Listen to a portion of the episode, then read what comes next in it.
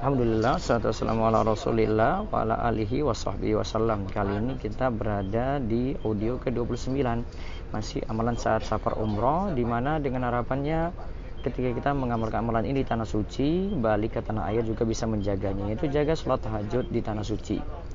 Dari Abdullah bin Amr bin Al-As radhiyallahu anhu ia berkata bahwa Rasulullah sallallahu alaihi wasallam bersabda Ya Abdullah la takun misla fulanin kana yakumu minal laili fataraka qiyamal lail. Wahai Abdullah, janganlah seperti si fulan, dahulu ia rajin mengerjakan sholat malam, tetapi sekarang ia meninggalkannya. Mutafakun alaih. Ingat sholat tahajud harus didahului dengan tidur malam karena Allah berfirman wa minal laili fatahajjad bihi nafilatan laka asa ayya ba'asaka rabbuka maqama mahmuda. Dan pada sebagian malam hari sholat tahajudlah kamu sebagai satu ibadah tambahan bagimu mudah-mudahan Rabbmu mengangkat kamu ke tempat yang terpuji. Surah Al-Isra ayat 79 Ibnu Katsir katakan tahajud itu setelah bangun tidur. Al-Qoma Al-Aswad Ibrahim An-Nakhai dan selainnya berkata seperti itu. Makna tahajud dalam bahasa Arab seperti itu hadis-hadis dari Rasulullah Sallallahu Alaihi Wasallam menyebutkan tahajud itu setelah bangun tidur.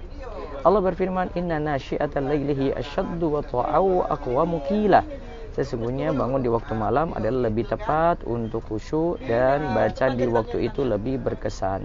Surat Al-Muzammil ayat ke-6. Makna nasyiatal laili berarti bangun di waktu malam.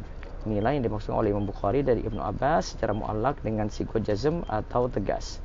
Syekhul Islam Ibnu Taimiyah rahimahullah dalam Majmu' al-Fatawa berkata nasyiatal lail menurut kebanyakan ulama adalah seorang yang bangun setelah tidur tahajud itu bukanlah pada awal malam. Inilah yang tepat karena Nabi Shallallahu Alaihi Wasallam mempraktikkan seperti itu. Hadis yang menerangkan seperti ini adalah mutawatir karena Nabi SAW melakukan tahajud pasti setelah bangun, yaitu bangun malam, bukan bangun antara dua isya. Demikian penjelasan dari Imam Ibnu Taimiyah.